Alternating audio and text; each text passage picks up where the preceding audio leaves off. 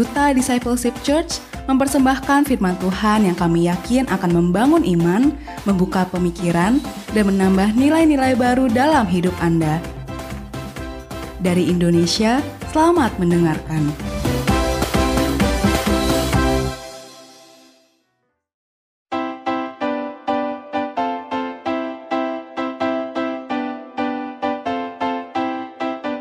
Duta Discipleship Church mempersembahkan firman Tuhan yang kami yakin akan membangun iman, membuka pemikiran, dan menambah nilai-nilai baru dalam hidup Anda. Dari Indonesia, selamat mendengarkan. Mari beri kemuliaan buat Tuhan kita. Kami bersuka cita di hadapan-Mu Tuhan. Kami terus mengucapkan syukur di hadapan-Mu Tuhan. Engkau Allah kami yang begitu baik bagi kami Tuhan. Kasih-Mu cukuplah bagi kami Tuhan. Kebaikan-Mu terus berlimpah dalam kehidupan kami Tuhan.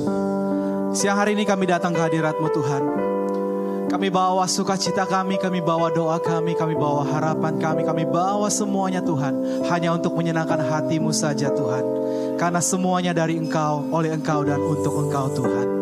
Bagimulah segala kemuliaan sampai selama-lamanya. Haleluya. Terima kasih Tuhan.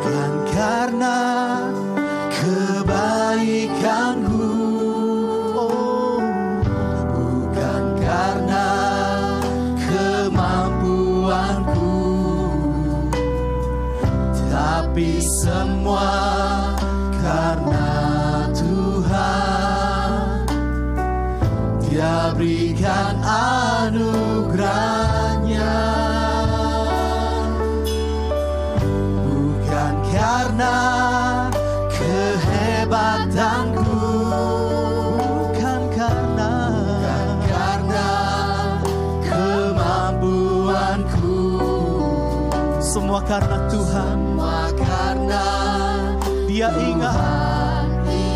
Dia selalu tepati janjinya tepati janjinya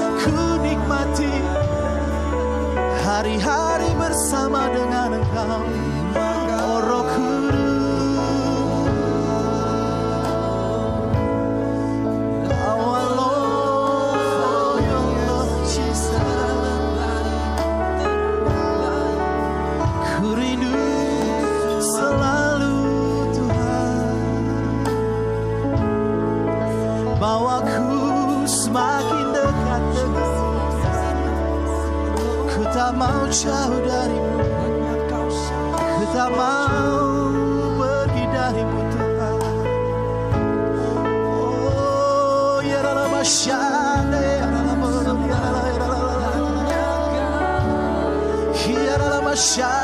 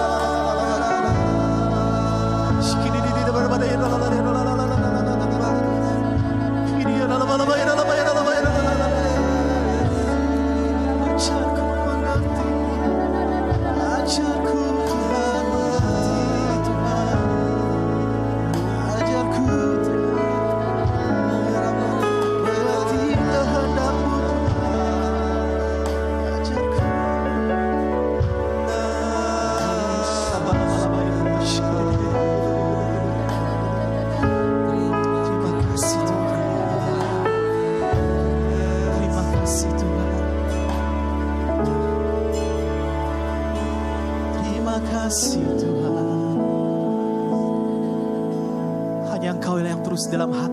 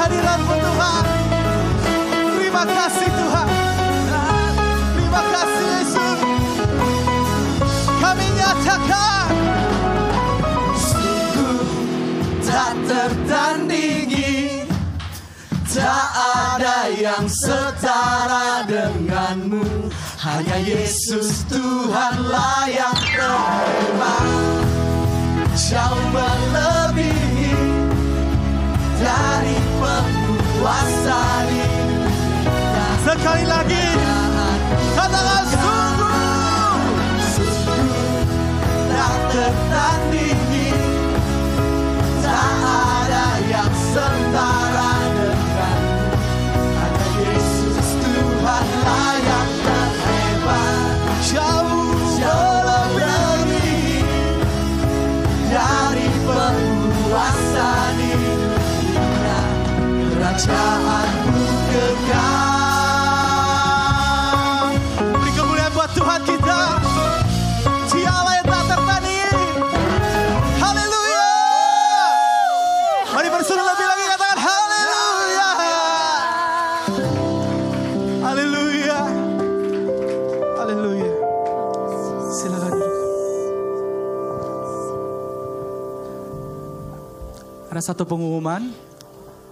untuk tanggal 15 September 2019 gereja anak kita berulang tahun yang ke-23 Eh, diharapkan untuk Bapak Ibu yang memiliki anak yang tergabung di dalam JL Kids boleh hadir jam 10 pagi di Zoe Room. Sekian. Kami bersuka di hadiratmu Tuhan. Terima kasih Tuhan. Terkadang kami tidak mengerti apa yang sedang terjadi dalam hidup kami Tuhan. Apa yang kau mau dalam hidup kami Tuhan. Biarlah kau ajar kami Tuhan. Biarlah kami menjadi seperti seorang anak kecil di hadapanmu Tuhan. Dan kami boleh mengerti isi hatimu Bapa.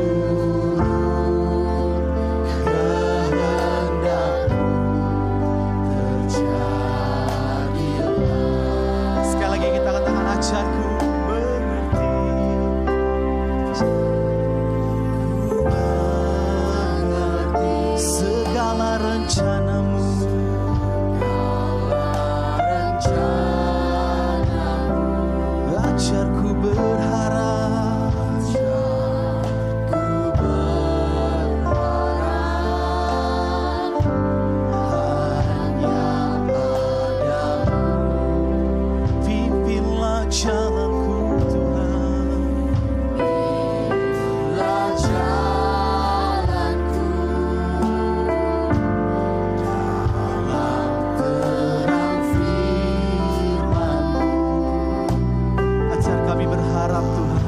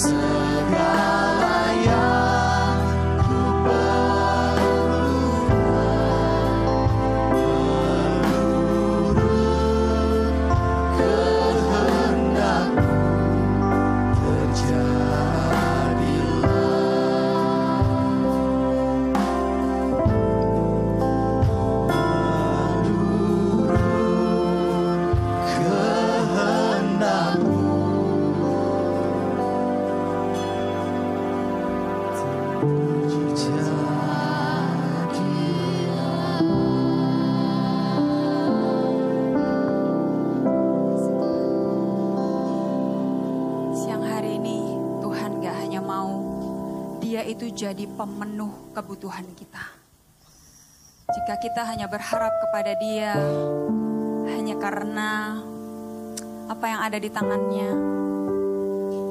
hanya karena harapan-harapan kita maka itu semua sia-sia karena harapan kita jika itu untuk hal yang hanya di dunia itu hanyalah harapan sementara. Tapi Tuhan mau harapan kita hanya Yesus yang sepenuhnya dalam kehidupan kita.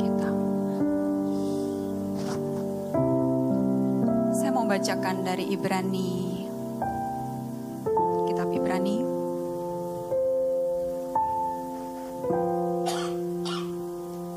Ibrani 6 ayat ke-19 versi terjemahan sederhana Indonesia. Sambil nanti musik menyiapkan lagu. Biarlah harapan kita itu berfungsi seperti sebuah jangkar yang kuat dan aman bagi diri kita sendiri. Supaya kita dikuatkan dan tidak terbawa oleh arus apa pun. Karena pengharapan kita sebenarnya adalah Yesus sendiri yang sudah membuka jalan bagi kita ke dalam ruang maha kudus di rumah Allah di sorga. Pengharapan kita adalah Yesus. Apa yang saudara harapkan? Jika saudara harapkan yang di luar Yesus atau harapan yang ada di dalam Yesus, itu pun tidak berarti apa-apa. Harapan kita yang sebenarnya adalah Yesus. Ketika Yesus ada di dalam hidup kita, tidak ada harapan lagi. Dalam artian, nggak perlu kita minta-minta lagi karena dia sumber segala kepenuhan itu ada dalam kehidupan kita. Hari ini sebelum Tuhan menyampaikan isi hatinya, Tuhan mau ajak kita untuk nyanyikan sebuah lagu. Tuhan mau saudara merasakan menikmati cintanya. Cintanya itu saja yang Tuhan mau. Harapanmu hanya Yesus itu saja yang Tuhan inginkan. Kita mau rasakan cinta Tuhan yang lebih nikmat daripada anggur, yang lebih manis daripada madu. Saudara silakan jika saudara mau duduk, saudara bisa duduk. Saudara mau tetap berdiri, saudara boleh berdiri terserah. Silakan saudara bebas. Satu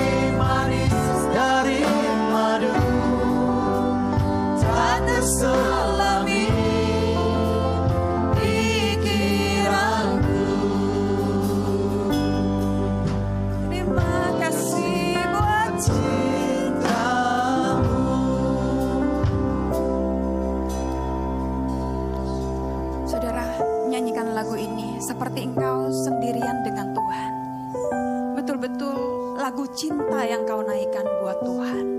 Bukan hanya karena lagu ini enak nadanya, manis kata-katanya, bukan itu, tapi rasakan cinta Tuhan menetes hari ini. Menetes betul-betul sampai ke relung hatimu di batinmu yang terdalam kau rasakan betapa dia cinta kepada engkau dan aku. Karena jika engkau merasakan itu, itu kasih karunia. Kalau engkau sampai betul-betul merasakan Tuhan, sungguh engkau cinta padaku. Itu kasih karunia. Karena gak ada lagi yang kau butuhkan. Sampai batinmu bisa berkata, nggak ada lagi yang aku butuhkan Tuhan selain Tuhan.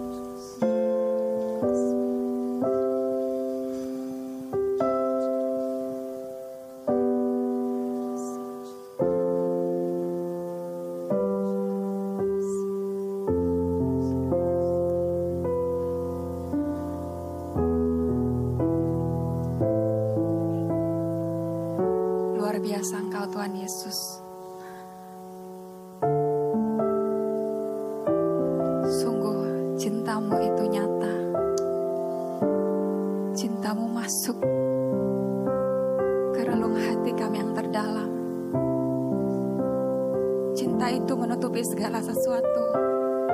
Cinta itu tidak menyimpan kesalahan. Cinta itu tidak mengingat-ingat hal yang lama. Luka yang lama dia tidak ingat-ingat. Terima kasih buat kemanisan cintamu Tuhan. Ajar kami juga untuk mencintai yang kau Tuhan. Untuk mengerti betapa lebar, panjang, tinggi, dan dalamnya cinta itu dalam hidup kami.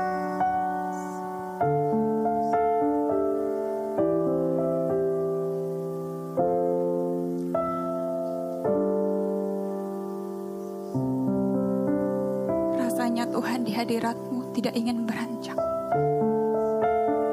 Karena hanya di hadirat Tuhan, betul-betul kami merasakan penuh cintamu. Kami tidak diajar orang lain, tapi engkau sendiri yang berkata kepada kami.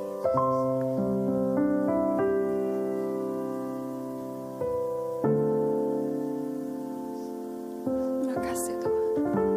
Kami mau menikmati Engkau lebih lagi Tuhan, memandang wajahmu Yesus kekasih jiwa kami. Saudara bebas, saudara berdiri, saudara duduk, saudara mau nangis, saudara mau tertawa, silakan. Kita mau nikmati Tuhan siang ini. Saat indah, ku berhadapan denganmu.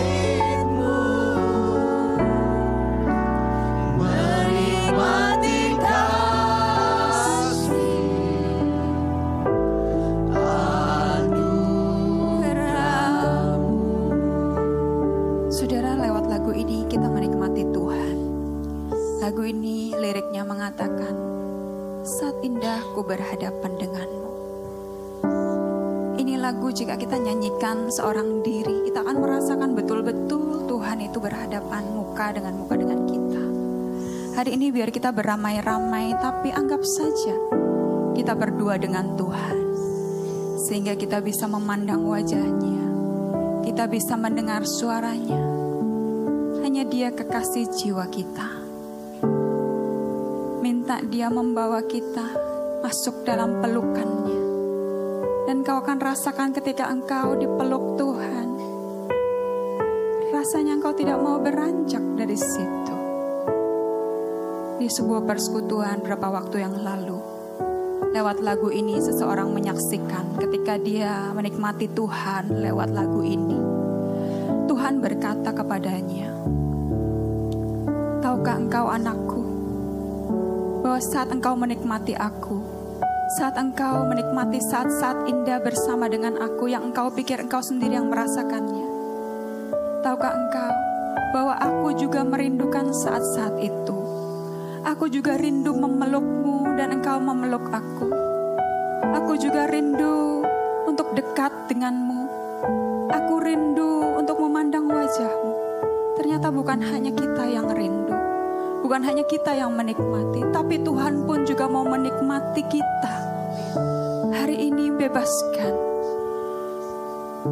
Lewat pujian ini, rasakan cintanya. Lebih lagi dalam kehidupan.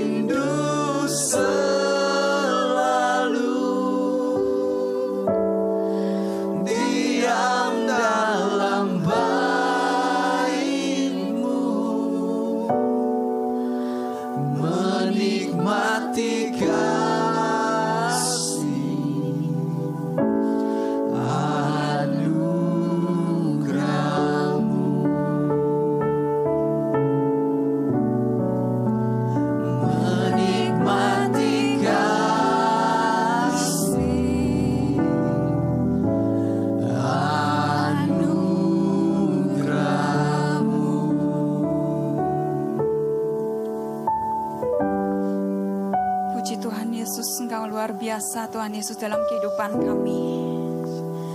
Betul Tuhan, hanya di hadiratmu lah ada ketenangan. Hanya di hadiratmu lah ada jawaban. Di sana kami ketemu Engkau dan Engkaulah jawaban itu karena Engkau adalah jalan, kebenaran, dan hidup. Kami mau hidup dengan Engkau Tuhan dan Engkau ada di dalam kami. Dengan cintamu, itulah yang jadi motor dalam kehidupan kami melakukan segala sesuatu. Semua yang kami lakukan, kami kerjakan untuk Tuhan di bumi ini. Bukan karena kami mengharapkan upah, bukan karena kami mengharapkan pahala apa pun Tuhan tapi hanya supaya Engkau senang dengan kehidupan kami. Terima kasih Tuhan Yesus. Terima kasih Tuhan. Tidak ada alasan apa pun yang lain-lain yang kami inginkan. Hanya cinta Tuhan yang membuat kami mau rela melakukan apa pun bagi Engkau. Tuhan Yesus, hari ini berfirmanlah kepada kami. Hamba juga mau dengar apa yang Kau ingin nyatakan pada siang hari ini Tuhan, hamba juga mau ikut duduk dengar apa yang Tuhan mau nyatakan Tuhan. Bukan hanya untuk jemaatmu, tapi untuk hamba sendiri. Karena hamba juga masih terbatas pengenalan akan Tuhan. Dan hamba mau lebih lagi Tuhan. Supaya engkau menyatakan cintamu pada hamba dan kami semua. Dalam nama Tuhan Yesus. Amin. Silakan duduk saudara. Terima kasih.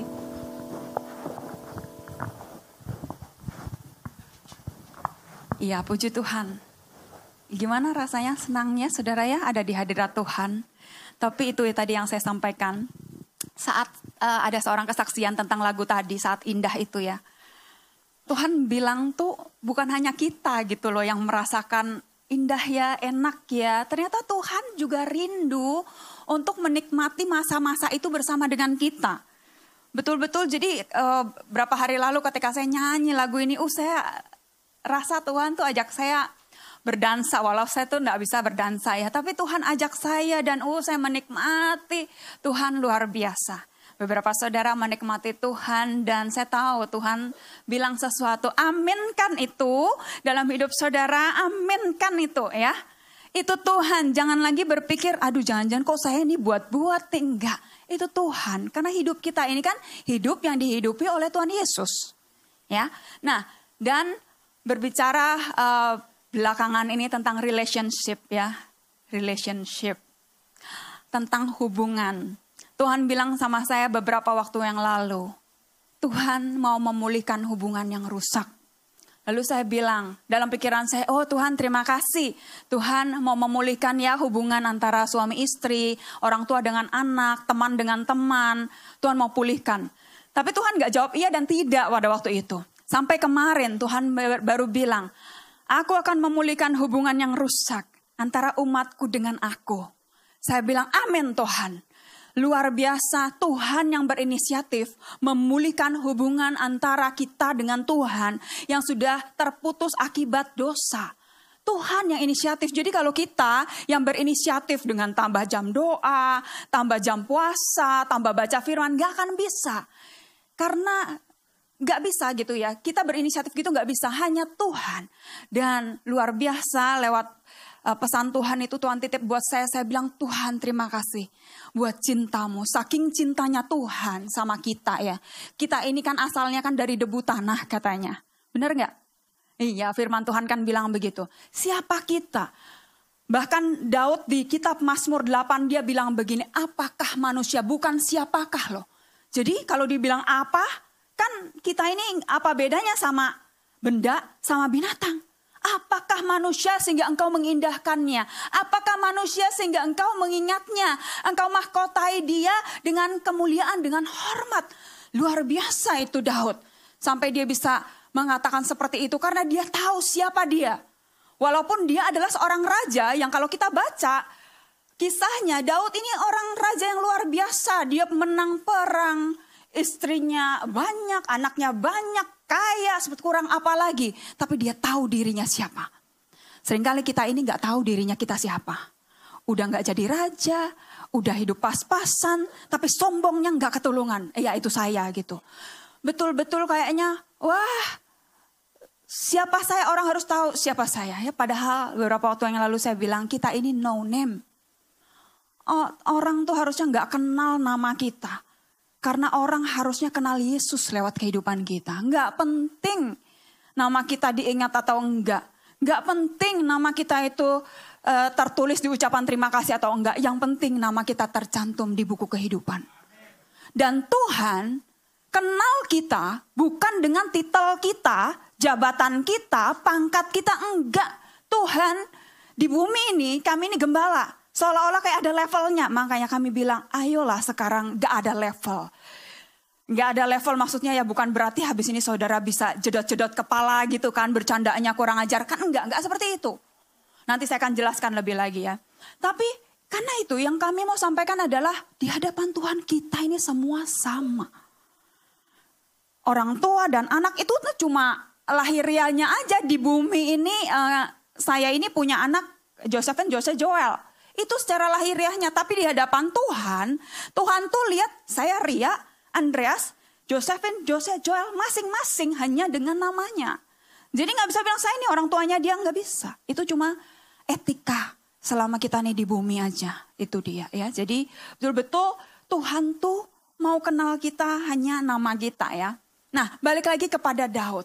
Daud ini luar biasa ya Bapak Ibu ya.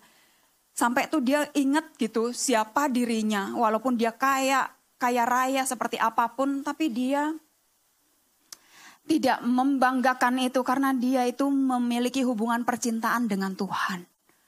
Ya, kenapa makanya tuh Tuhan kalau saudara baca ini di kitab Matius ya atau Injil, Yesus itu kan disebut anak Daud.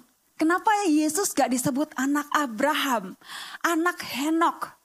Yang katanya Henok itu hidup bergaul dengan Tuhan lalu gak, dia nggak ada lagi karena Tuhan angkat dia kan di usia berapa ya 300-an seperti itu. Kenapa enggak? Karena ada hal-hal yang Tuhan tidak dapati di mereka-mereka, tapi Tuhan dapati di Daud. Sehingga akhirnya Tuhan itu bangga menjadi keturunannya Daud.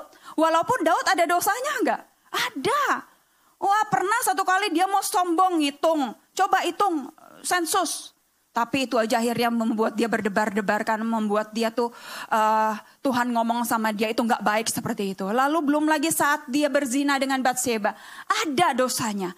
Tapi dia ngerti kehendak Tuhan, yaitu dia memiliki hubungan percintaan dengan Tuhan. Itu yang kalau Bapak Ibu baca di kitab Mazmur, itu banyak sekali cintanya Daud, ungkapan cinta Daud itu sama Tuhan. Itu sedemikian gitu, puitisnya, romantisnya itu Daud tulis seperti itu. Luar biasa. Nah sebelum saya lanjutkan, coba saya mau tanya beberapa orang.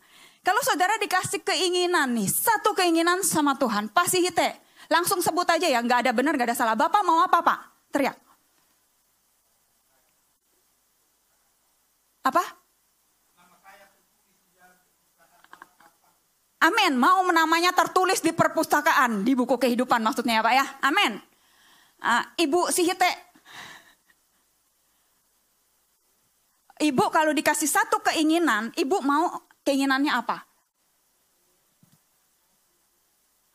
Saya sama Tuhan bersama. Amin. An anak kecil Nathan, Nathan. Nathan kalau dikasih satu keinginan, Nathan mau apa? Jawab aja, nggak apa-apa. Nggak salah. Nggak tahu. Nggak tahu, mamanya tahu. juga nggak tahu. Nggak tahu. Nggak tahu. Ya udah nggak apa-apa. Tuhan nggak paksa ya. Nggak. Ayo, ayo kamu mau jawab nggak? Kalau nggak ntar nggak boleh pulang. Nggak gitu. Tuhan kita tuh nggak. Nah, Andri, Andri baju merah. Ya, maunya hidup uh, hidup kekal aja dari Tuhan. Hidup ya. Amin. Saudara nih karena di gereja apa karena gimana ya jawabannya kok rohani ya? Kalau misalnya nih lagi ada apa seminar motivator atau apa gitu kan. Saudara emang jawab begitu hidup kekal? Jawabnya apa? Oh sukses duitnya banyak. iya gitu makasih ya.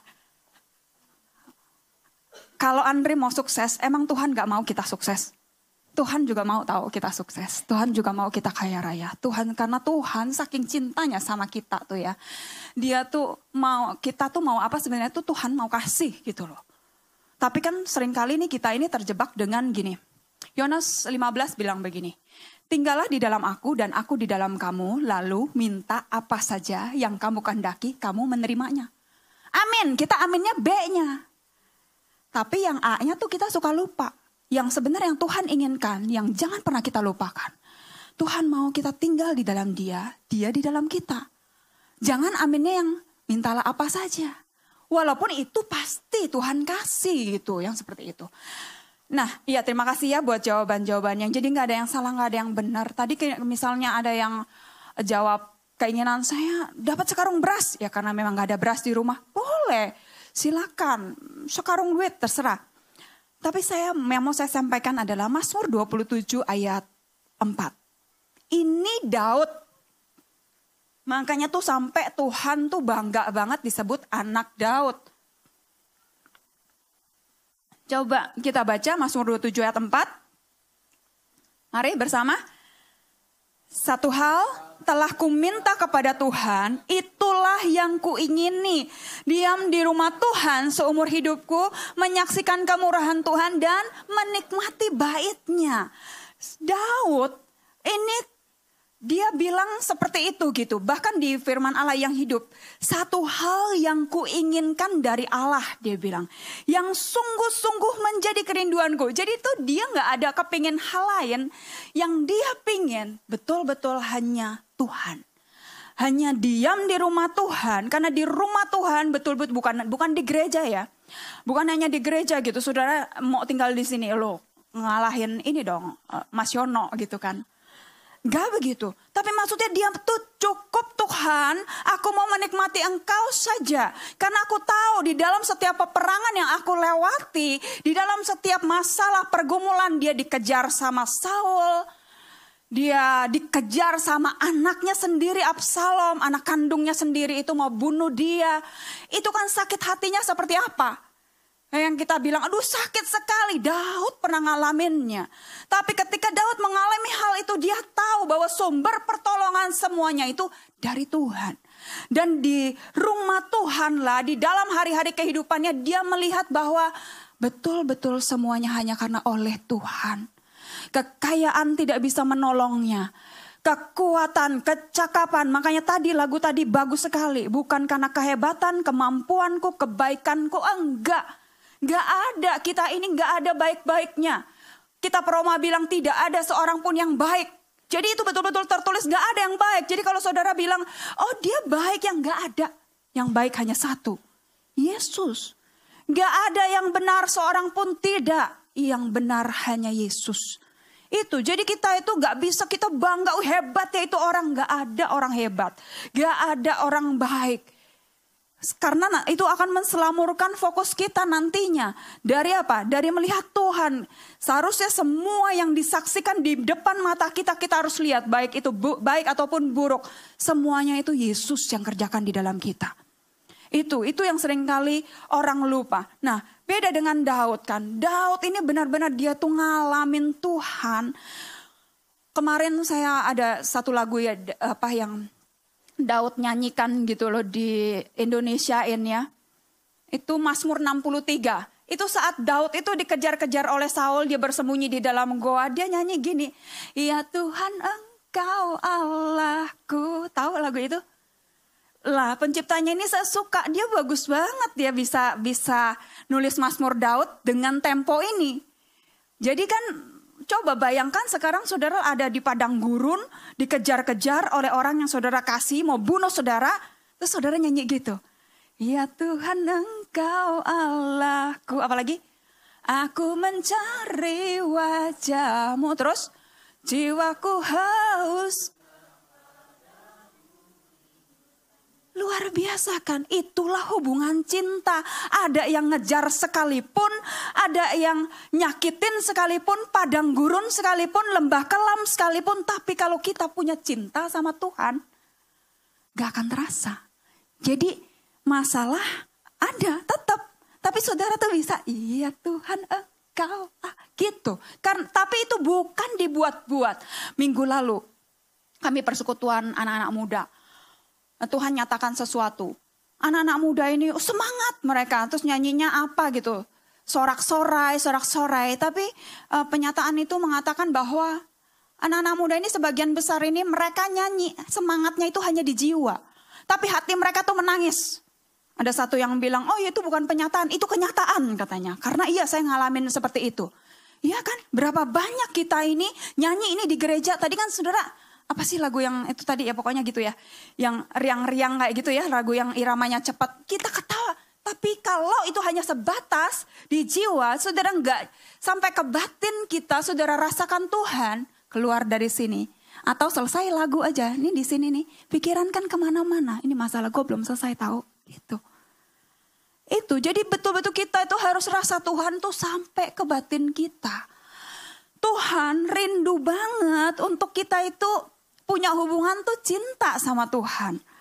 Hubungan percintaan yang Tuhan inginkan. Makanya Tuhan yang Tuhan mau pulihkan adalah hubungan percintaan dengan Tuhan. Bukan hubungan dagang. Mungkin saudara berpikir waktu saya sampaikan tadi bahwa Tuhan ingin memulihkan hubungan yang rusak. Oh ya memang saya lagi jauh nih sama Tuhan. Pantas nih Tuhan gak dengar doa saya. Bukan. Tuhan inginkan hubungan cinta kita itu diperbaiki kepada Tuhan.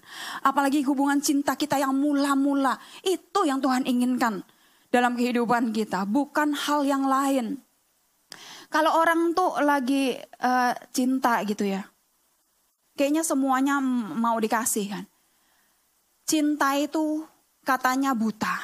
Kemarin saya makan di sebuah restoran tulis gini. Kalau cinta itu buta, kenapa harus diet? Hayo gitu. Nah yang duduk suami istri, eh, istrinya yang suaminya udah bilang, eh kamu gemukan bilangin gak usah diet kan buta gitu. alasan enggak ya. Uh, cinta buta. Terus saya diskusikan sama Pak Andreas, Pap emang cinta tuh buta ya? Iya kalau manusia. Terus saya tanya, kalau Tuhan buta enggak sih sama kita?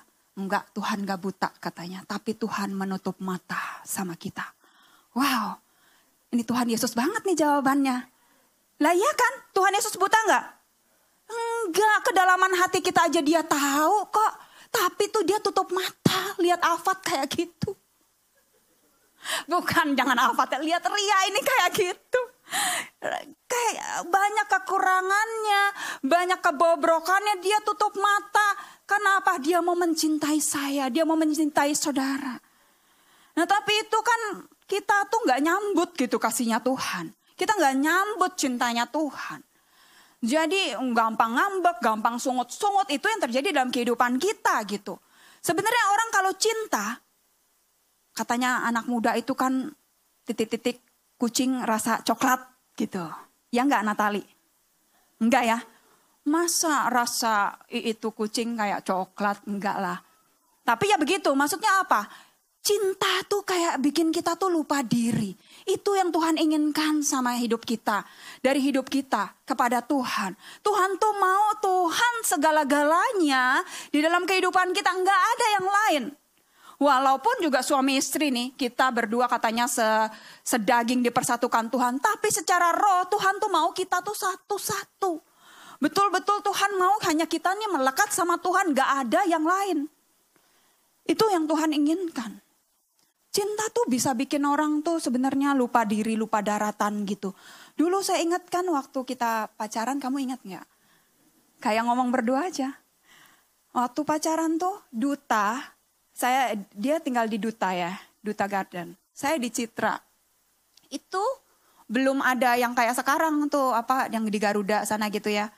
Masih rawa-rawa. Itu kan kita pacaran 29 enggak ya 20 tahun lalu ya masih rawa-rawa gitu. Terus karena kalau pulang pacaran malam kan, terus uh, dia bilang itu sebenarnya waktu kami udah menikah nih dia bilang itu sebenarnya tuh ya waktu kita uh, pacaran saya tuh takut tahu karena pulang dari rumah kamu tuh kan malam gitu udah gitu harus lewatin rawa-rawa di situ nanti kalau ada orang yang tiba-tiba begal atau tiba-tiba ada putih-putih gimana ya Yesus dong saya bilang ya tapi saya bilang, kalau waktu itu kamu rasanya gimana? Gak terasa tuh.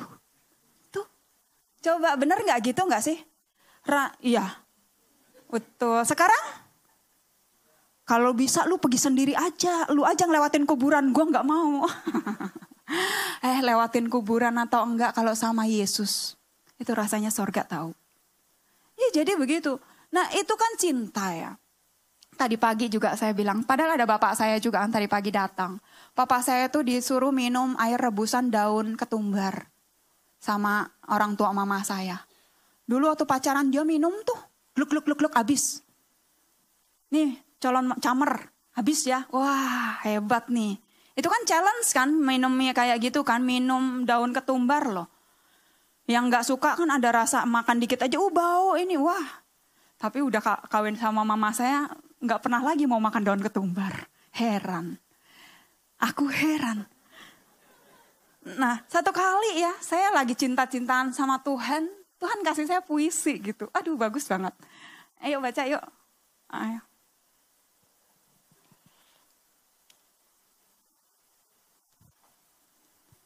Mana nih, jangan bikin heran.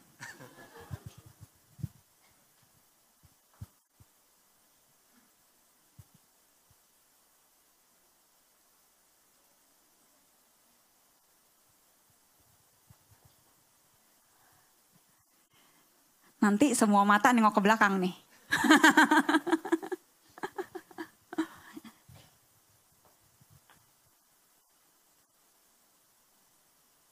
Gak ada ya?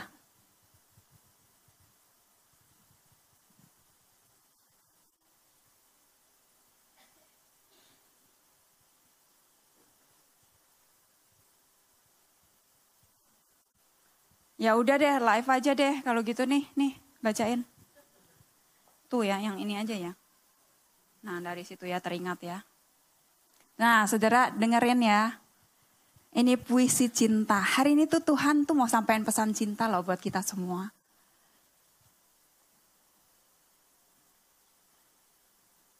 Teringat terik siang bolong itu. Ingat siang bolong. Saat berjalan tanpa sepatu di jalanan berbatu. Cie. Kau dan aku Terkadang hanya membisu sambil mengucek mata kelilipan debu. Cie. Tapi hebatnya, kenapa rasanya sangat bahagia?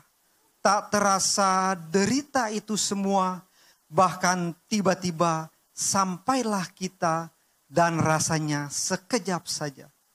Aku heran. Enggak usah heran, karena itulah yang namanya cinta yang selalu membuat kita terheran-heran. Wes, terima kasih ya.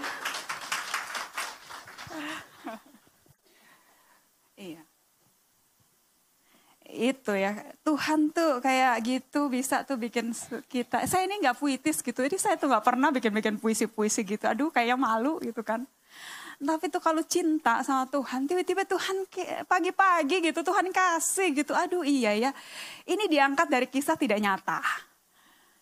Tapi saya pernah ngalamin kisah yang mirip seperti ini. Dulu waktu saya masih SMP ya, saya ditaksir cowok. Terus, uh, nah kami kerja kelompok, wah kan, aduh kalau ada cowok yang naksir kan rasanya debar-debar gitu. Terus Udah itu dia bilang, dia nggak pernah mau ngomong sama saya. Setiap kali kalau nanti ngomong cuma tulis di meja, gitu kan kalau dulu ya. Di meja uh, kayu kan. Terus uh, nanti titip pesen lah. Kalau enggak terus nanti uh, lagi hari Valentine. Kami disuruh observasi bawa bunga mawar. Tiba-tiba di atas tas saya ada bunga mawar merah pakai surat. Aduh serasanya itu kayak bunga-bunganya. Aduh. Nah hari itu tiba-tiba diajak ngomong. Terus dia bilang begini, eh pulang bareng yuk. Hah? Hah siapa? Iya kan cuma kamu yang ke sana. Kita aja. Hah? Nggak mau ah, ya belaga kan, nggak mau padahal mau. Iya terus sudah akhirnya singkatnya, ya pulang. Itulah di tengah siang bolong itu. Di tengah terik itu, ya tadi ya. Terik matahari itu. Kadang-kadang kami membisu. Karena kan namanya kan kaku kan gitu kan. Ngomong, eh ya kamu habis ini mau ke mana? Pulang. Terus diem. Cari bahan pembicaraan tuh kan sulit gitu sama orang yang dikasihi gitu kan. Deg-degan tapi rasanya itu berdebar-debar bahagia banget. Tante-tante om-om pernah rasa? Hah? Oh pernah kan berbunga-bunga kayak gitu gitu. Nah Akhirnya sampailah sudah ya, rasanya sekejap. Itulah kalau cinta. Jadi kalau sama Tuhan, penderitaan model apa pun yang Tuhan hadapin sama kita. Kalau kita ini punya cinta sama Tuhan, itu nggak akan terasa. Saudara mau punya masalah kayak gimana pun nggak akan terasa. Karena yang saudara rasakan adalah cinta Tuhan. Anak kita mau kayak gimana, ekonomi kita mau morat marit sebagaimana, yang penting tetap ya kita melakukan apa yang di depan kita itu adalah kehendak Tuhan. Tapi terus kita rasakan cinta Tuhan, itu nggak akan terasa. Pasti teh nambel ban berpuluh-puluh ban kalau bapak cinta itu nggak akan terasa capek. Bukan karena aku kerja keras nih demi anak istri itu salah. Kerja keras demi anak ibu bukan. Kita kerja, kita kerja keras karena cinta, bukan demi karena cinta. Jadi kita ini sama Tuhan ini hubungan percintaan bukan hubungan dagang. Namanya kalau hubungan percintaan nggak ada untungnya buat kita sekalipun kita ambil loh, kita lakukan loh. Tapi banyak orang Kristen tuh sama Tuhan itu jualan. Makanya firman Tuhan tuh kan bilang gini. Yohanes 2 ya. Jangan jadikan rumahku tempat berjualan. Di di apa ayat yang lain di firman yang lain dikatakan sarang penyamun. Tapi itu jelas-jelas jangan jadikan tempat berjualan. Tuhan tuh nggak mau kita ini jualan sama Tuhan. Kalau ada untungnya apa? Buat saya baru saya melakukan enggak. Dan apa? Hanya ya orang kerja nggak dapat untung itu hanya orang bego. Orang bodoh yang bisa kerja tanpa untung. Kita ikut Tuhan harus bodoh. Karena yang bodoh itulah yang dipilih Tuhan.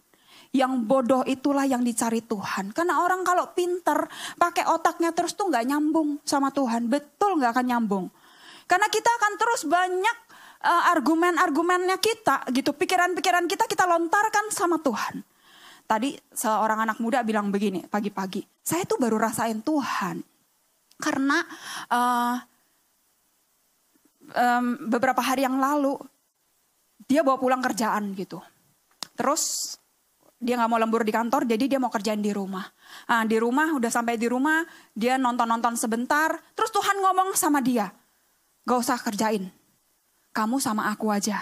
Jadi maksudnya tuh Tuhan mau berduaan nih sama anak ini gitu kan. Terus dia bilang, ih Tuhan ini kan banyak kerjaannya. Justru aku bawa pulang karena aku gak mau lembur. Aku harus ngerjain ini. Terus besok ini kan harus meeting, harus dipertanggungjawabkan. Gimana dong Tuhan? Tapi Tuhan ngomong, gak usah kerjain. Aku mau kamu sama aku. Tuhan bahasa Tuhan tuh mudah banget ya. Aku mau kamu sama aku gitu. Terus gini, terus dia bilang, ya udah Tuhan kalau gitu, kalau aku gak kerjain, nanti Tuhan yang salah disalahin ya. Gitu, ya gak apa-apa. Iya kan? Karena dia kan dia memang sudah dipersalahkan kok. Tapi dia tetap benar. Daripada kita membenarkan diri tapi salah. Itu kan yang sering kita lakukan. Nah akhirnya ya udah dia di akhirnya dia nurut Tuhan. Saya bilang, oh, bagus dong kamu nurut Tuhan. Iya. Terus gimana? Besokannya ternyata uh, meetingnya di cancel. Coba. Yang kayak gitu tuh di luar pikiran kita. Kalau orang pintar, nggak bisa Tuhan. Kalau ini nggak selesai, habis deh nggak dapat tender deh, udah deh uang miliaran itu deh keluar deh gitu. Itu kalau pakai pemikirannya kita. Kita ini tuh mungkin jangan bilang kita ya, saya ini nih sok pinter gitu loh. Masih aja, padahal saya udah rasa tuh ya Yesus tuh hidup dan nyata dalam kehidupan saya. Uh, beberapa waktu yang lalu, saya udah selesai semua kerjaan rumah beres, terus saya ditinggal suami uh, dia pergi ada urusan gitu. Dan saya rasa kayak kosong gitu kan. Um, saya udah saya saat teduh sama Tuhan, nikmati Tuhan. Wah indah banget. Selesai, ih kok masih jam 12. Anak-anak masih pulangnya nanti kan jam 3 gitu. Semuanya udah beres. Iseng-iseng saya cek kuota YouTube saya. Loh masih banyak nih. Belum pernah saya cek kuota, saya cek. Wah nontonlah. Ngabisin aja nih kan sayang kalau nggak angus. Tuh kan dagang tuh begitu tuh nggak mau rugi. Kalau nggak angus, akhirnya saya nonton. Saya tuh bukanya tuh nggak yang neko-neko gitu loh. Saya ngeliatin orang yang apa resep-resep. Nanti terus orang yang kuliner ke sana ke sini ke sini. Yang ada akhirnya apa? Saya lapar. Terus um, alasan lagi sama Tuhan, gak apa-apa lah Tuhan sedikit lagi. Uh, karena kan mau resep. Ibu-ibu nontonin resep berapa yang dibikin? Itu kan pertanyaannya kan. Misalnya 100 resep kita nontonin, kita pelajarin. Yang dibikin berapa yang di meja bapak-bapak? Bapak-bapak deh yang saya tanya, ibu-ibunya nontonin resep nih. Pelajaran resep yang terhidang di meja makan apa lagi? Kangkung lagi, kangkung lagi gitu. Itu lagi, itu lagi. Jadi alasan saya. Udah, terus akhirnya saya saya sadar juga, aduh kok saya habis-habisin waktu ada, ada kali itu sejam gitu nonton. Matiin tuh saya, meron Tuhan, gak maulah hidup kayak gini lah. Bukannya salin hidup ya, tapi saya bilang Tuhan, gak maulah kalau hidup tuh kok ngabisin waktu begini gak mau ah apa saya kerja ya Tuhan ya? Jadi ojol. Tahu ojol? Ojek online. Atau jualan baju online. Atau apa ya Tuhan? Jadi guru? Apa ya? Jadi saya tuh komunikasi gitu. Ngomong-ngomong aja, ngomong-ngomong santai dan ringan. Nggak lama yang kayak gitu. Udah, terus habis itu kan anak-anak pulang. Udah saya nggak ingat lagi. Tuhan tegur saya. Luar biasa. Makanya saudara kalau terima teguran. Tadi kan kita kan nyanyi ya supaya kita ini tidak bercacat dan celah ketika Tuhan dapati kita satu kali nanti jadi mempelainya. Gimana kita tidak bercacat dan celah? Saat kita ditegur sekarang itu bahasa cintanya Tuhan. Ingat berapa minggu yang lalu Tuhan tegur kita, tanda Tuhan sayang sama kita. Malamnya ada seseorang um, teks via WA. Anakku, ini penyataan Tuhan buat saya gitu. Tolong uh, Jangan hentikan iman dan pengharapanmu kepadaku, karena uh, engkau bukan pemilik hidupmu. Aku yang memiliki penuh atas hidupmu. Hentikan pikiranmu yang sia-sia. Waktu saya baca itu, eh, saya dengar itu, hah? Baru mikir kayak gitu aja, Tuhan udah tegur. Saya langsung saya ketawa sama suami saya, saya bilang luar biasa Tuhan Yesus, terima kasih Tuhan Yesus. Amin. Kita ini gak punya hak hidup. Tuhan mau betul-betul hidup kita tuh penuh dikasih sama Tuhan. Tapi sering kali tuh pikiran kita mau bikin inilah, aku ingin beginilah, aku ingin begitulah, ingin ini, ingin itu. Salah itu. Itu keinginan kita. Kita nggak tanya lagi Tuhan mau apa. Kemarin uh, dalam satu perjalanan kami naik kereta. Terus ada sekumpulan ibu-ibu di belakang. Kami kan mau menuju ke Bandung. Terus ini ibu-ibu ramai banget 17 orang ya. Wah, coba 17 orang ibu-ibu. Dikumpulkan jadilah katanya 2 3 orang ibu-ibu jadi pasar. Ini 17 jadi apa? Hypermart. Mereka ribut ngomong begitu sampai ya kalau saya sih tidur tetap tidur habis itu kan terus saya bangun. Saya bangun mereka belum selesai lagi ngomong. Udah tiga jam kan naik, naik kereta tuh. Terus Eh udah mau nyampe, gak terasa ya padahal ngomongan kita belum selesai. Ya lu ngomong terus sih makanya gak rasanya gak cepat banget. Tapi yang mau saya sampaikan gini, mereka tuh ngomong mereka um, uh, ngobrol terus lihat-lihat apa kali ya terus wah enak nih kalau makan duren yuk yuk yuk kita ke Singapura yuk uh, makan duren yuk udah satu malam aja ah nggak enak tau ke Singapura udahlah ke Korea aja lah sekalian kita bisa uh, jalan-jalan uh, eh jangan jangan ke Korea ke Penang aja ke Penang lebih murah Terus dalam hati saya, batin saya gini. Hah, nyampe Bandung aja belum? Terus ini mau ke Penang, ke Singapura, cuma satu malam mau ke Korea. Terus lagi suami saya bilang, dia udah tanya suaminya belum ya? Gitu manusia, manusia sering kali kita itu bikin rencana sendiri, rancangan kita sendiri, tapi kita tuh lupa tanya Tuhan, kita lupa mengikut sertakan Tuhan sehingga akhirnya keinginanku yang harus terjadi. Doanya sih, nyanyinya sih biar kehendakmu Tuhan yang terjadi. Tapi nyatanya saat Tuhan mau menyatakan kehendaknya, kamu gak boleh pergi. Kita ngotot tuh. Kita pergi tuh. Iya kan? Itu manusia. Kalau kita ini gak bodoh ikut Tuhan, kita ini gak berdasarkan cinta ikut Tuhan, itulah. Semua-muanya pokoknya semua yang untung buat kita. Kan enak kalau jalan-jalan, kan enak kalau bisnis ini, bisnis itu. Tanpa lagi kita tanya Tuhan. Saudara ini jangan alergi kalau dita, dikasih tahu sama orang. Misalnya saudara ngomong gitu. Ya kamu udah tanya Tuhan belum? Saudara tuh jangan naik darah. Wah tanya Tuhan, tanya Tuhan lagi sampai sepatu nih. Jangan, itu loh Tuhan. Sebenarnya itu kan perkara biasa. Tanya Tuhan, itu kan umum harusnya. Betapa kita ini orang Kristen ini nolak Yesus tuh kayak gitu loh. Disuruh tanya Tuhan gak mau. Nanyanya siapa? Nanya Paulus. Buat apa? Cari pembenaran. Ya kan Pak, saya kan yang benar. Maksudnya gitu kan. Toh kita kalau cerita sama orang, kita toh cari pembenaran. Itu kan. Kita mau dimengerti agar wanita. Apa tuh? Gitu kan. Gak bisa. Sama Tuhan tuh gak bisa begitu. Tuhan mau hidup kita sama Tuhan diserahkan betul-betul full. Hosea 6 ayat 6. Bisa nggak ini keluar? Ya. FIH ya, saya bacakan. Aku tidak mengingini kurban-kurbanmu. Aku mengingini kasihmu. Aku tidak mengingini persembahan-persembahanmu yang kuingini ialah agar kamu kenal aku. Ini Tuhan, Tuhan tuh cinta, suara cintanya Tuhan tuh di firman tuh banyak jeritan hatinya Tuhan buat kita. Kita ini yang ngaku nih kita orang Kristen, kita orang percaya, tapi sering kali kita tuh nggak percaya kok. Masa sih Tuhan cuma ingin kasih? Iya, Tuhan cuma mau kasih kita. Tuhan tuh nggak peduli dengan semua kebaikan-kebaikan kita, hal-hal rohani yang kita lakukan. Tuhan nggak peduli. Karena kita ini bukan siapa-siapa. Tuhan cuma ingin kasih kita dan Tuhan cuma ingin kita kenal dia. Karena kasihnya itu sungguh dalam panjang lebar tinggi. Itu yang Tuhan inginkan. Matius 22 ayat 36 sampai 40.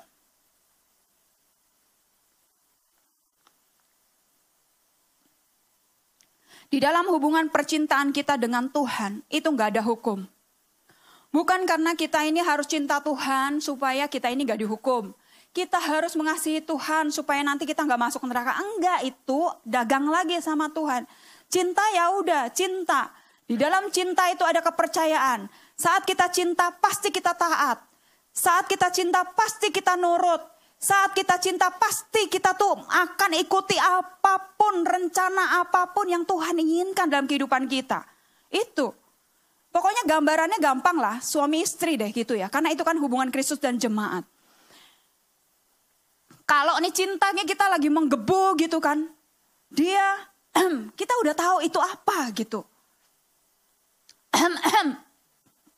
Mau minum, batuk lagi, apa lagi, ambil sepatu, udah tahu gitu. Tapi kalau dia habis ngeselin kita, terus kan kita nih ngasih kasih manusia kan, dia udah batuk darah sekalipun gak ada yang kita keluarin. Karena kasar, karena cintanya udah degradasi. Tapi kalau cintanya on terus, waduh. Pap, pengen duren Hah, aku main durian sayang, tapi nggak musimnya. Apa-apa bakalan cari. Ya, gitu gak?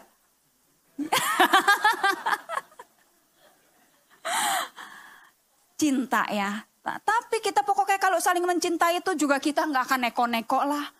Cari duren di saat yang nggak musimnya. Aduh, nggak gitu. Karena kita juga kan itu saling kan hubungan cinta itu saling. Tuhan gak, gak mau bertepuk sebelah tangan. Tapi banyak kali Tuhan tuh dapatin kita tuh tepuk sebelah tangan. Nah ini ayat kita baca ya sebentar ya.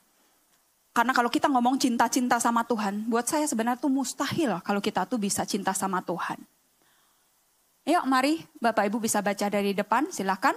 Matius 22 ayat 36 sampai 40 firman Allah yang hidup. Guru,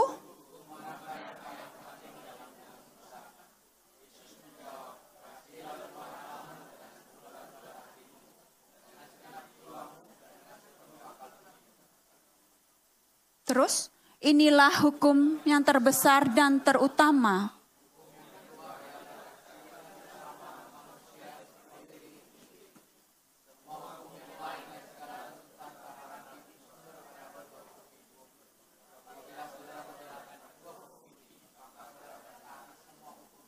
Amin. Nah jadi kalau kita ini tadi saya katakan bahwa di dalam percintaan itu nggak ada aturannya, nggak ada hukumnya. Tapi kalau misalnya mau dibikinin itu hanya satu yang Tuhan inginkan, yaitu apa? Hukum kasih, hukum cinta. Yang ada sama Tuhan tuh cuma itu. Rumusnya Tuhan tuh gampang ditebak, cinta aja, kasih aja. Nah lalu ayat ini kan bilang begini, yang paling penting itu apa? Yesus menjawab, kasihi Tuhan Allahmu dengan sebuah bulat-bulat. Kalau firman Allah yang hidup itu versi FIH-nya bulat. Tuhan gak mau kita tuh somplak sedikit aja untuk mencintai yang lain. Tuhan gak mau. Tuhan mau kita betul-betul bulat. Tuh kayak bulan purnama tuh bulat ya. Kalau tanggal 15 tuh kan bulan purnama bulat. Tanggal 13 tuh udah bulat tapi masih ada legoknya. 14 juga belum. Pokoknya sampai bulat-bulat. Tuh yang Tuhan mau tuh seperti itu gitu. Kasihi dengan sepenuh akal budimu. Nah kalau Bapak Ibu lihat ini ya. Pernah nggak lihat bisa disorot nih? Ini dari tulisan-tulisan ini, ini luar biasa loh. Ini si Sandra nih yang bikin nih. Dia ngerti banget ini rahasia. Ada dua kata yang sama. Ya tebak kabar. Ya. Love. Love besar dan love kecil. Terus tadi ada yang kasih masukan lagi sama saya. Ini pun love. Ya. Yang yang besar ini yang yang menggambarkan ini semua tulisan ini rangkanya love. Terus saya bilang lagi, iya ada lagi. Satu, dua, empat. Betul, betul. Jadi kasihlah yang terbesar. Dalam kita ini membangun sebuah hubungan, mengasihi Tuhan. Itu yang terutama, hukum yang terutama. Lalu ketika kita sudah ber, bisa mengasihi Tuhan karena Tuhan lebih dulu mengasihi kita, barulah tuh kita bisa tuh pasti efeknya kita akan mengasihi sesama kita. Gak mungkin orang bilang, saya cinta sama Tuhan, benci sama orang lain. Bohong. Karena apa? Cinta itu hasilnya adalah cinta. Pokoknya begitu aja, rumusnya tuh begitu. Cinta sama dengan cinta. Nah ini yang lain semuanya ini yang jadi pelengkap nih. Membangun sebuah hubungan. Ya seni mendengarlah, cara menghormatilah. Ini kan respect ini semua bahasa Inggris ya. Kejujuran lah. Saudara mau ikut seminar komunikasi. Apalagi? Oh saya harus belajar nih supaya berkomitmen. Ini akan mudah dilakukan. Lihat. Semua hukum yang lain dan segala tuntutan para nabi bersumber pada kedua hukum ini. Hukum kasih. Kasihilah Tuhan Allahmu dengan sebulat hatimu dan kasihilah sesama manusia. Jadi ketika kita ini berhasil memiliki kasih Tuhan dan berhasil mengasihi, gak usah disuruh taat. Gak usah kamu harus percaya sama saya, gak usah. Karena di dalam kasih itu ada ketaatan. Di dalam kasih ada kepercayaan.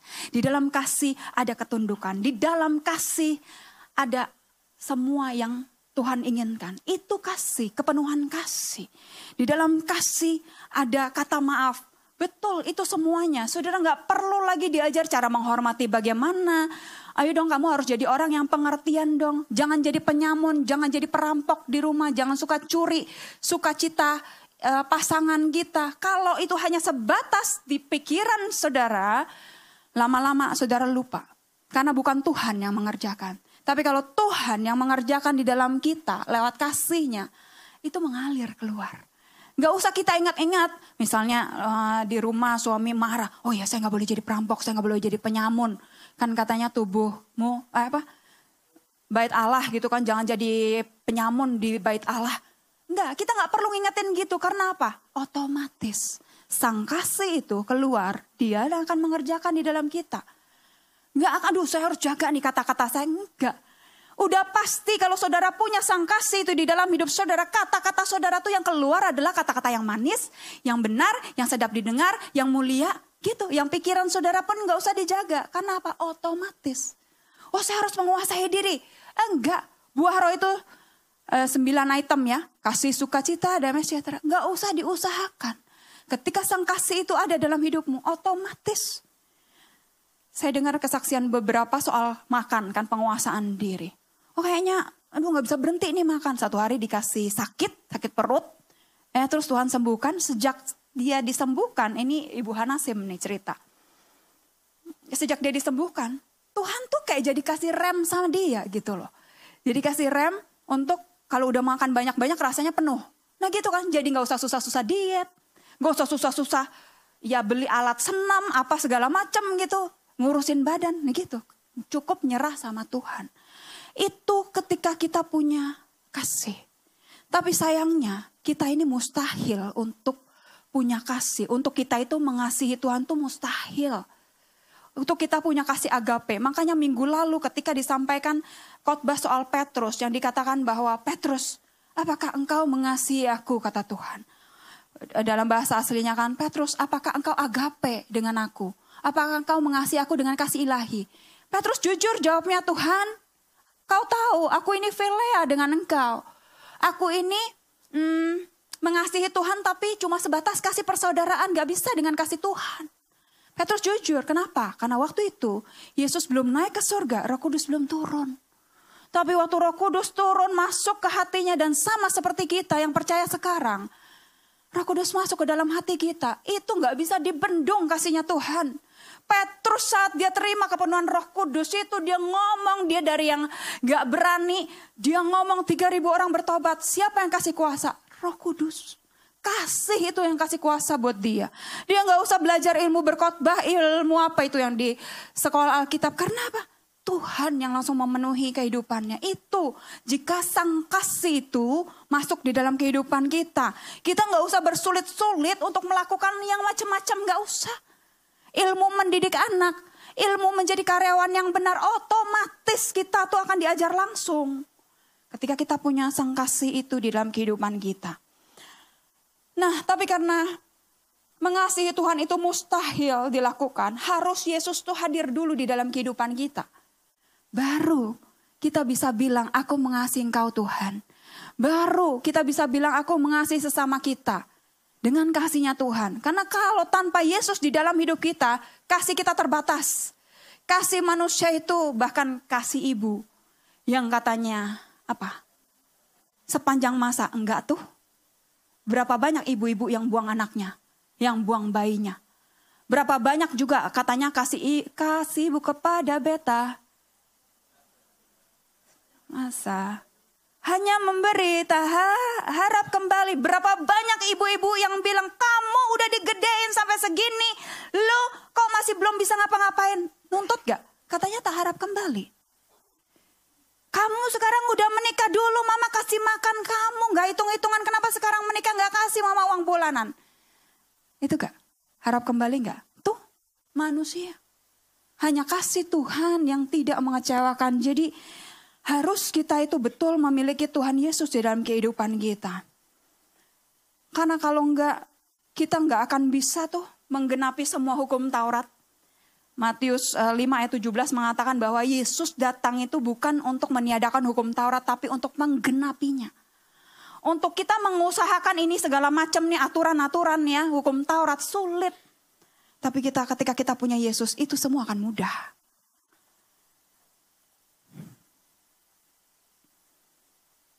Indikatornya apa kalau Yesus itu ada dalam hidup kita?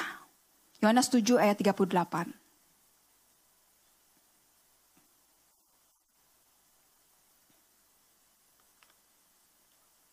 Saya bacakan ya. Barang siapa percaya kepadaku seperti yang dikatakan oleh kitab suci. Apa yang dikatakan oleh kitab suci? Dari dalam hatinya akan mengalir aliran-aliran air hidup. Jadi begitu. Seringkali kita bilang kan, saya udah percaya Tuhan Yesus. Saudara, kalau kita percaya sama Tuhan Yesus, ada hasil yang akan kita keluarkan seperti yang dikatakan oleh kitab suci. Kitab suci itu tidak mengatakan barang siapa percaya kepadaku, dia harus rajin ke gereja, dia adalah orang yang rajin berdoa, dia adalah orang yang sudah katam baca Alkitab 10 kali. Tidak. Tapi yang dikatakan begini, yang percaya kepadaku seperti yang dikatakan oleh kitab suci, apa yang kitab suci katakan? Dari dalam hatinya itu pasti mengalir aliran air hidup. Itu dia. Pasti itu mengalir aliran air hidup. Sekalipun keadaan di depannya tuh, di luar tuh kering, tapi tuh kita nggak terpengaruh. Karena aliran air hidup itu terus mengalir. Saudara bisa merasakan kekeringan mungkin dalam ekonomi saudara, rumah tangga saudara kering. Anak juga kering, kering ya dalam tanda kutip ya kok dikasih tahu nggak nurut-nurut. Tapi biar gimana pun, sukacita, damai sejahtera itu tetap membual-bual karena yang ada di dalam hidupmu adalah sumber mata air yang tidak pernah kering, Yesus namanya. Tapi giliran kenapa kita kok rasanya, oh kok saya rasa kering rohani? Nah, tariklah, tanya sama dirimu. Sudah seberapa besar kasihmu engkau berikan sama Tuhan? Kalau iya, tapi kan waktu itu saya udah terima Tuhan Yesus, tapi kok kayak masih begini-begini terus ya? Bisa jadi ruang hati saudara tuh nggak dikasih penuh sama Tuhan.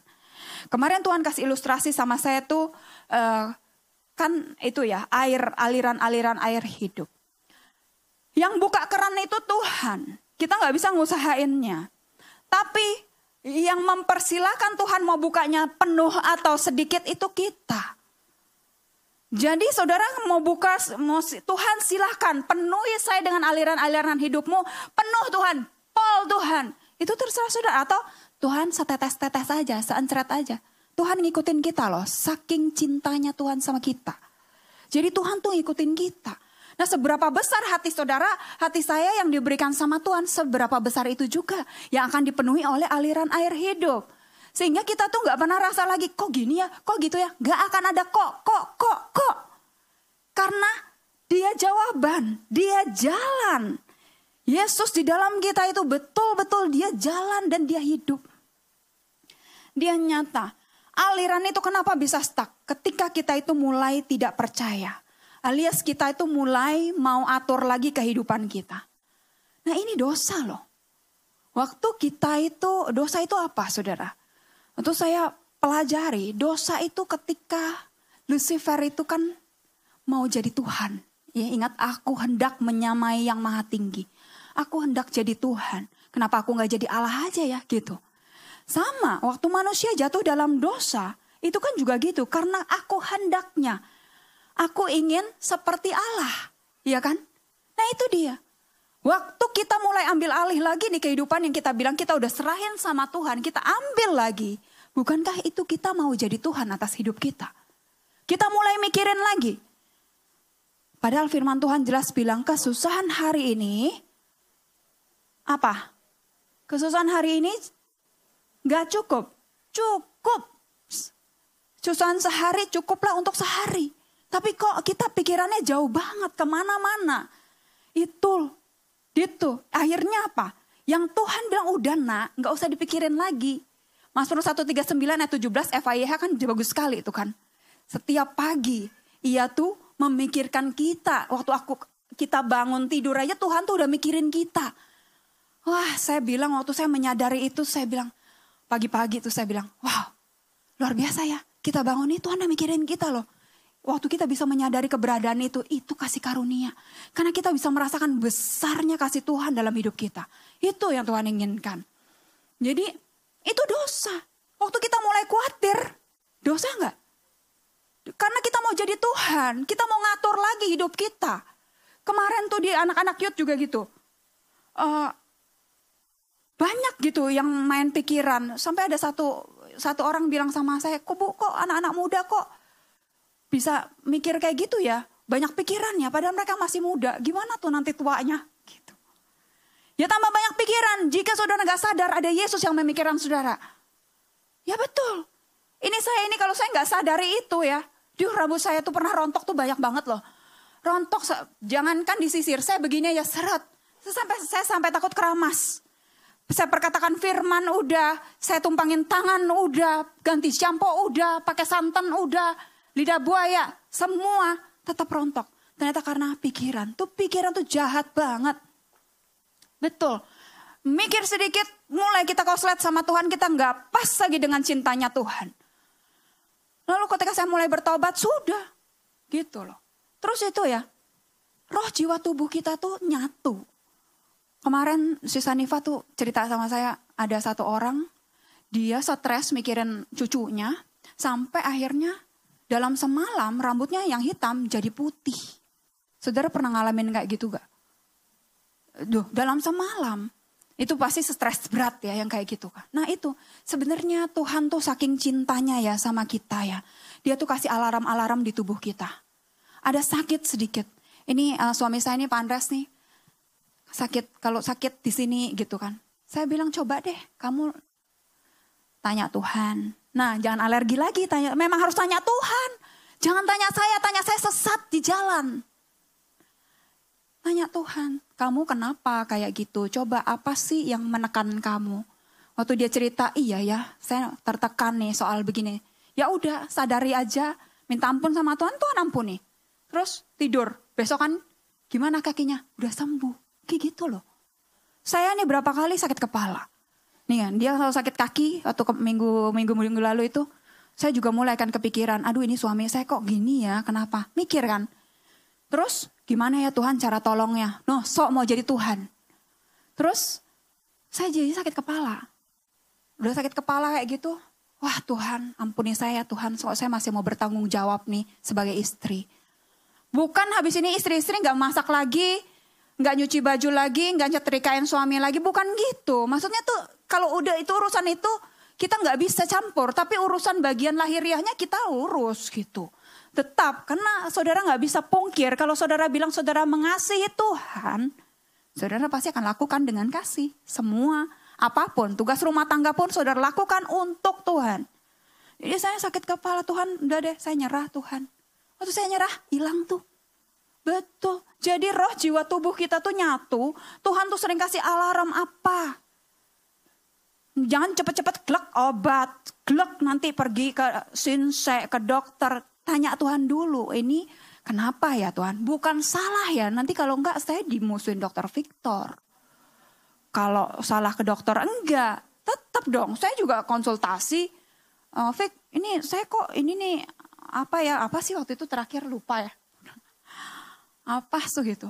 Uh, oh saya sakit ini, nggak bisa, ini sakit banget.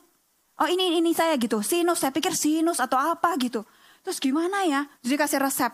Akhirnya ya resepnya saya makan satu, uh, obatnya saya makan satu, terus Tuhan suruh saya, kamu ambil itu air panas, terus kamu uh, tengkurap di air panas, kasihin cuka apel, tutupin kepala kamu di air panas itu, di baskom itu tutup, Habis itu kamu jungkir balik. Tuh kayak gitu. Habis itu sembuh. Lah saya bilang tuh kan Tuhan tuh gak masuk akal. Memang kalau kita mau ikut Tuhan serius, tanggalkan akalmu. Kalau mau nggak serius ikut Tuhan ya udah pakai akalmu gitu. Jadi Tuhan saking cintanya sama kita dia tuh ngomong tuh dalam banyak hal teguran kah, kisah hidup sehari-hari Tuhan banyak sekali ngomong. Tapi sayangnya kita ini, karena kita nih nggak respon, kita tuh lebih banyak dengar dunia, lebih banyak dengar internet, lebih banyak dengar apa kata orang, kita gubris Tuhan. Kita nggak ingat Tuhan mau apa dalam kehidupan kita. Ya, jadi itu pesan Tuhan hari ini. Cukup sampai di sini kita mau datang ke hadapan Tuhan. Yuk. Ada satu pujian kita mau nyanyi sama Tuhan.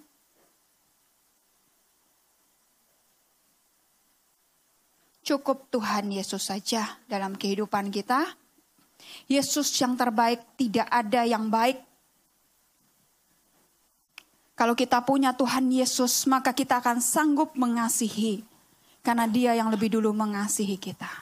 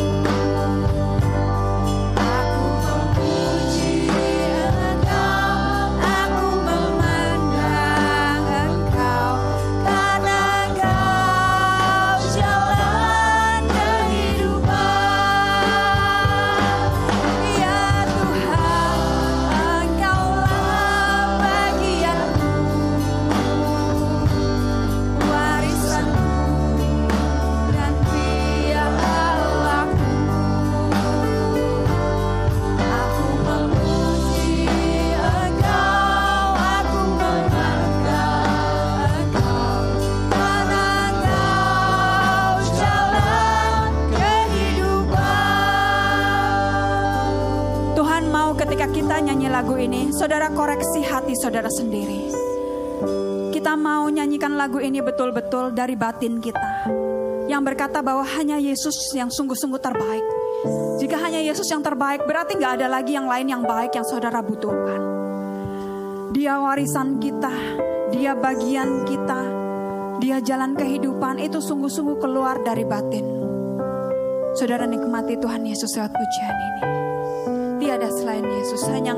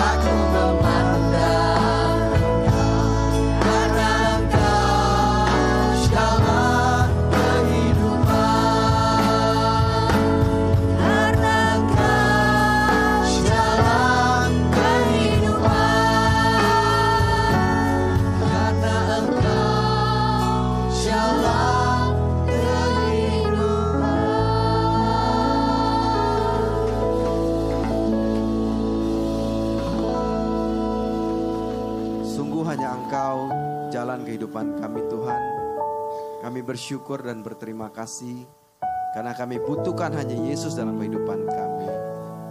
Pengharapan kami hanya Yesus. Apa pun yang kami kerjakan, apa yang kami lakukan, kami lakukan dengan sepenuh hati karena ada Yesus dalam hidup kami yang mengedrive semua itu. Terima kasih buat cinta kasih Tuhan yang Tuhan bagikan buat setiap kami pada siang hari ini. Kami menerima itu semua. Kami merasakan begitu besar hadirat Tuhan dalam kehidupan kami dan dalam hari-hari kami ke depan. Kami percaya Yesus selalu ada dalam hati kami. Yesus itulah yang akan memimpin. Yesus yang akan memberikan kami hari lepas hari kehidupan yang lebih baik Tuhan. Kami menyerahkan semua dalam tangan kasih anugerah Tuhan. Ibadah kami telah selesai Tuhan. Kami percaya hari-hari ke depan kami, minggu-minggu ke depan kami Tuhan yang menyertai. Kami menyerahkan semua kegiatan kami di dalam Engkau Tuhan. Terima kasih buat firman dan kebenaran-Mu pada siang hari ini. Terima kasih kami kembali ke tempat kami masing-masing siang hari ini Tuhan dan kami menerima